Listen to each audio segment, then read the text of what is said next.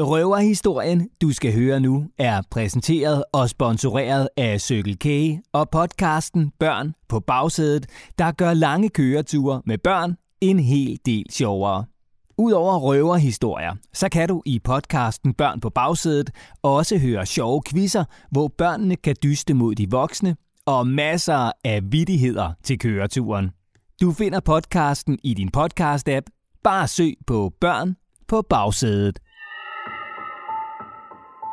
Nu skal du høre historien om en berømt og berygtet røverbande. Altså den slags røverbande, man bare slet ikke vil møde. Og slet ikke en mørk aften i en øde skov.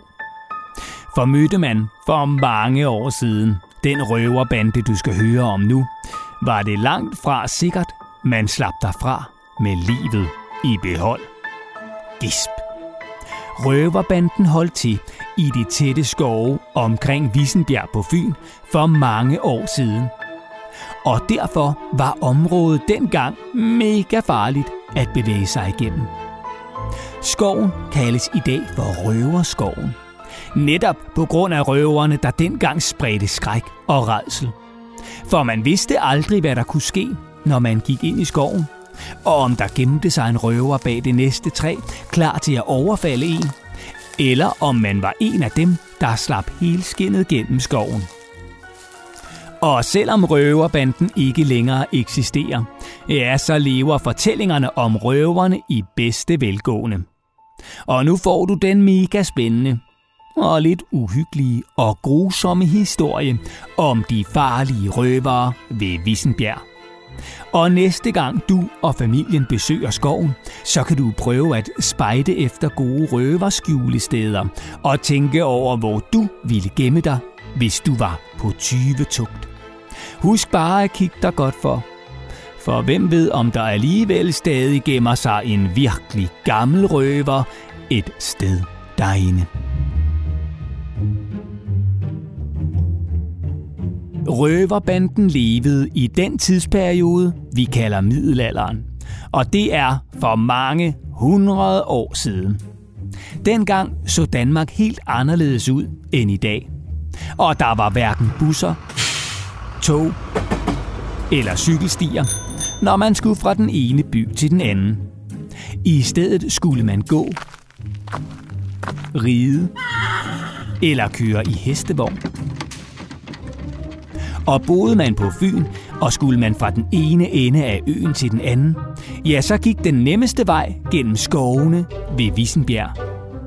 Og netop derfor var det altså også det perfekte sted at leve og bo, hvis man var røver.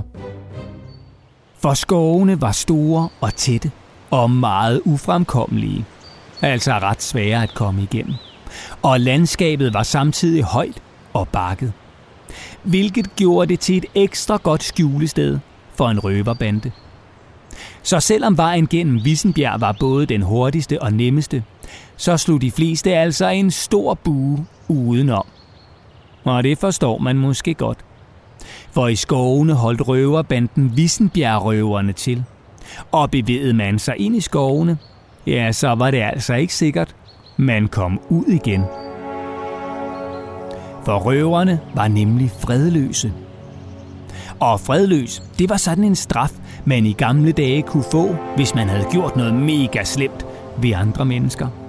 Så kunne man blive dømt fredløs. Og blev man det, så kunne enhver straffe en, uden selv at blive straffet for det. Sådan en straf findes heldigvis ikke mere, men det gjorde den altså dengang.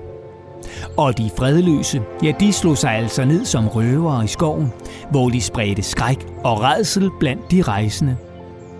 Siden er der fortalt mange historier om røverne. Nogle nok mere sande end andre, for sådan er det med røverhistorier. Men en af de historier, der går igen, er en anelse uhyggelig. Så måske du lige skal holde mor og far eller din yndlingsbamse i hånden – for ifølge en af fortællingerne om røverne, så levede der nær skoven i Vissenbjerg en rig mand, der havde en smuk datter. En fremmed mand var blevet forelsket i den smukke datter og ville gerne giftes med hende. Og han spurgte derfor faren om lov til at fri til hende. For sådan var det i gamle dage. Der skulle brudens far nemlig først sige ja, hvis der var en, der gerne ville giftes med hans datter. Nå, men inden brylluppet skulle afholdes, ja, så gik den kommende brud ud i skoven og kom undervejs forbi en hule, der var fyldt med guld og sølv og en masse andre kostbare ting. Og måske du allerede har gættet det. Hun havde forvildet sig ind i hulen, hvor de farlige og berygtede røvere holdt til. Og lige da hun skulle til at snige sig ud af hulen igen, ja, så hørte hun stemmer. Røverne var på vej tilbage til hulen, og hun måtte skynde sig at gemme sig under en seng og krydse fingre for, at hun ikke blev opdaget. Og hun måtte derfor trække vejret helt stille og roligt. Nå, men røverne vendte altså tilbage til hulen. Og de var ikke alene. For en af de farlige røvere havde taget en kvinde til fange. Og den røver var den mand, som bruden under sengen senere skulle giftes med. Gisp og gro. Bruden lå stadig musestille under sengen, for ikke at blive opdaget. Og da røverne senere forlod hulen igen, kunne hun snige sig ud. Og da bruden og røveren senere skulle giftes, afslørede bruden, hvad hun havde fundet ud af. At den mand, hun skulle giftes med, faktisk var en grum og farlig røver.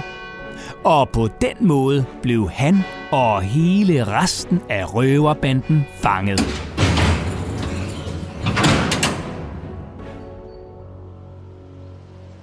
Heldigvis er det eneste, der er tilbage den dag i dag, de grusomme historier om røverne.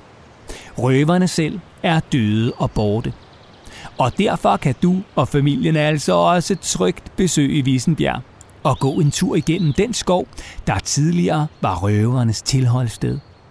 Men kigger du godt efter, kan du måske finde den hemmelige røverhule.